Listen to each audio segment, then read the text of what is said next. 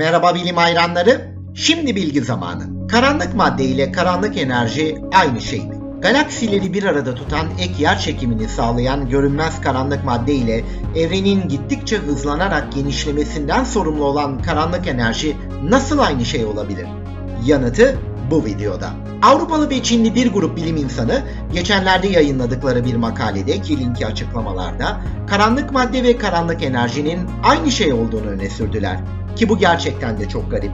Çünkü detaylarını blogda yazdığım gibi ki onların da linki açıklamalarda karanlık madde ve karanlık enerji birbirinin tersi gibidir.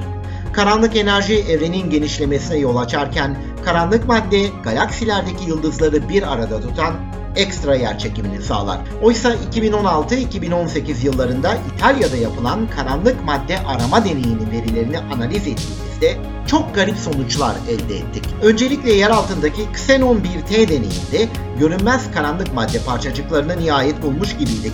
Hatta dedektörlerin sinyalleri bunların geçenlerde aramızdan ayrılan efsanevi fizikçi Steven Weinberg'ün öngördüğü aksiyon parçacıkları olduğunu gösteriyordu. Diğer yandan karanlık madde ışık ve ısıdan sorumlu elektromanyetik kuvvetle etkileşime girmez.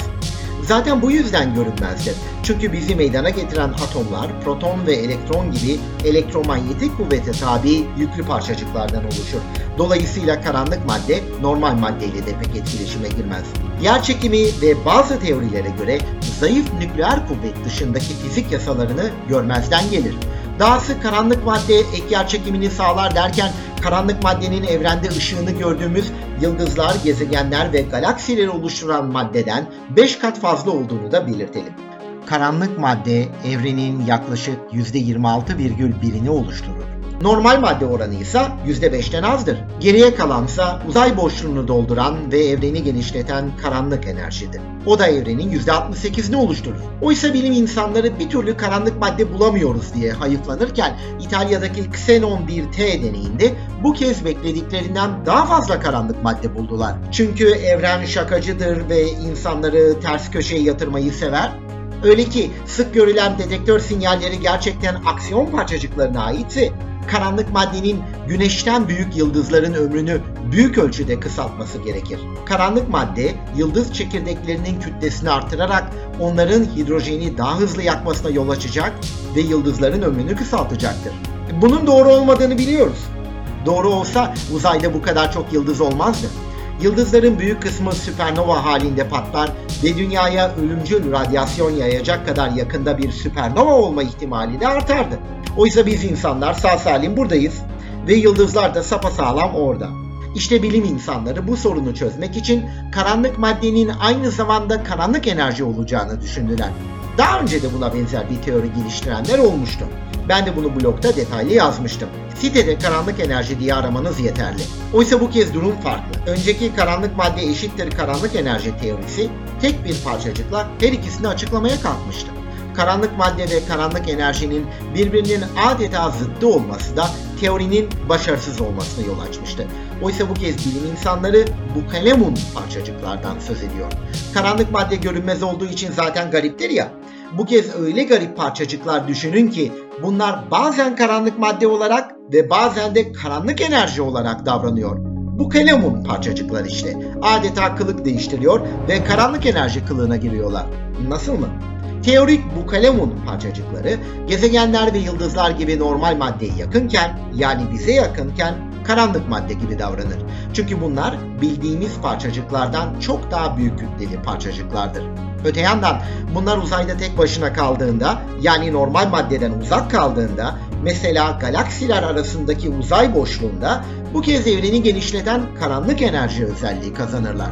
Bunu da blogda karanlık madde teorileriyle modifiye yer çekimi teorilerini iyisiyle kötüsüyle karşılaştırdığım yazıda ele almıştım. Yine de bu konu beni çok heyecanlandırdı. Çünkü bazı fizikçiler karanlık maddenin galaksiler arası uzayda faz geçişine uğradığını, bu yüzden de karanlık maddenin yer çekiminin galaksiler arası uzayda zayıfladığını düşünüyor. Bu yüzden de karanlık enerjiyi kılık değiştiren karanlık maddeyle açıklamaya çalışıyor. Ancak bu süper sıvı karanlık madde ve karanlık toz karanlık madde teorileri sadece karanlık maddeyi açıklamaya çalışıyor. İşin içine karanlık enerjiyi katmıyor ve onu açıklamıyor. Ancak ilk kez bir grup fizikçi Evet karanlık madde faz geçişi yapar ama o zaman da karanlık madde olmaktan çıkıp karanlık enerjiye dönüşür diyor. Faz geçişinde kafaya takmayın. Çok basit bir kavram aslında. Su donunca buz olur ve buz ısınınca eriyip su olur ya. Her ikisi de faz geçişidir.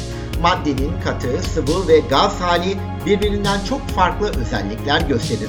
Belki de bu yüzden fizikçilerin kafası karışıyordu. Karanlık madde ve karanlık enerjinin ne olduğunu hiç anlamıyorlar. Yine de İtalya'daki karanlık madde arama deneyinin yakaladığı sinyallerin hata payı yüksek. İşte bu yüzden karanlık madde var, onu bulduk ve üstelik galaksiler arası uzayda karanlık enerji kılığına giriyor demek için çok erken. Ama düşünün, karanlık madde ve karanlık enerjinin ne olduğunu hiç bilmiyoruz ki. Madem öyle olabildiğince geniş düşünüp hayal gücümüzü çalıştıralım. En uçuk teorileri bile geliştirerek test edelim. Çünkü bilinen karanlık madde teorileri hep boş çıktı. Öte yandan en sıra dışı fizik teorileri gerçeği bulabilir. Vallahi belli olmaz. Karanlık madde parçacıkları hiç beklenmedik yerlerden çıkabilir. Biz de bugünkü yayının sonuna geldik. Bu yayını hazırlarken kullandığım dijital kaynakları aşağıda bulabilirsiniz. Daha fazla bilim için beni blogdan takip edebilirsiniz. Bugün kozmolojinin yeni göz bebeği kurucu teoriyi anlattım. Fiziğin anayasası ve metafiziği olmak isteyen kurucu teori yoluyla tüm evreni açıklayan her şeyin teorisini geliştirebilir miyiz diye sordum. Düzenli olarak YouTube'a video koyuyor ve bunları Spotify'da paylaşıyorum. Gelecek yayında görüşmek üzere, bilimle ve sağlıcakla kalın.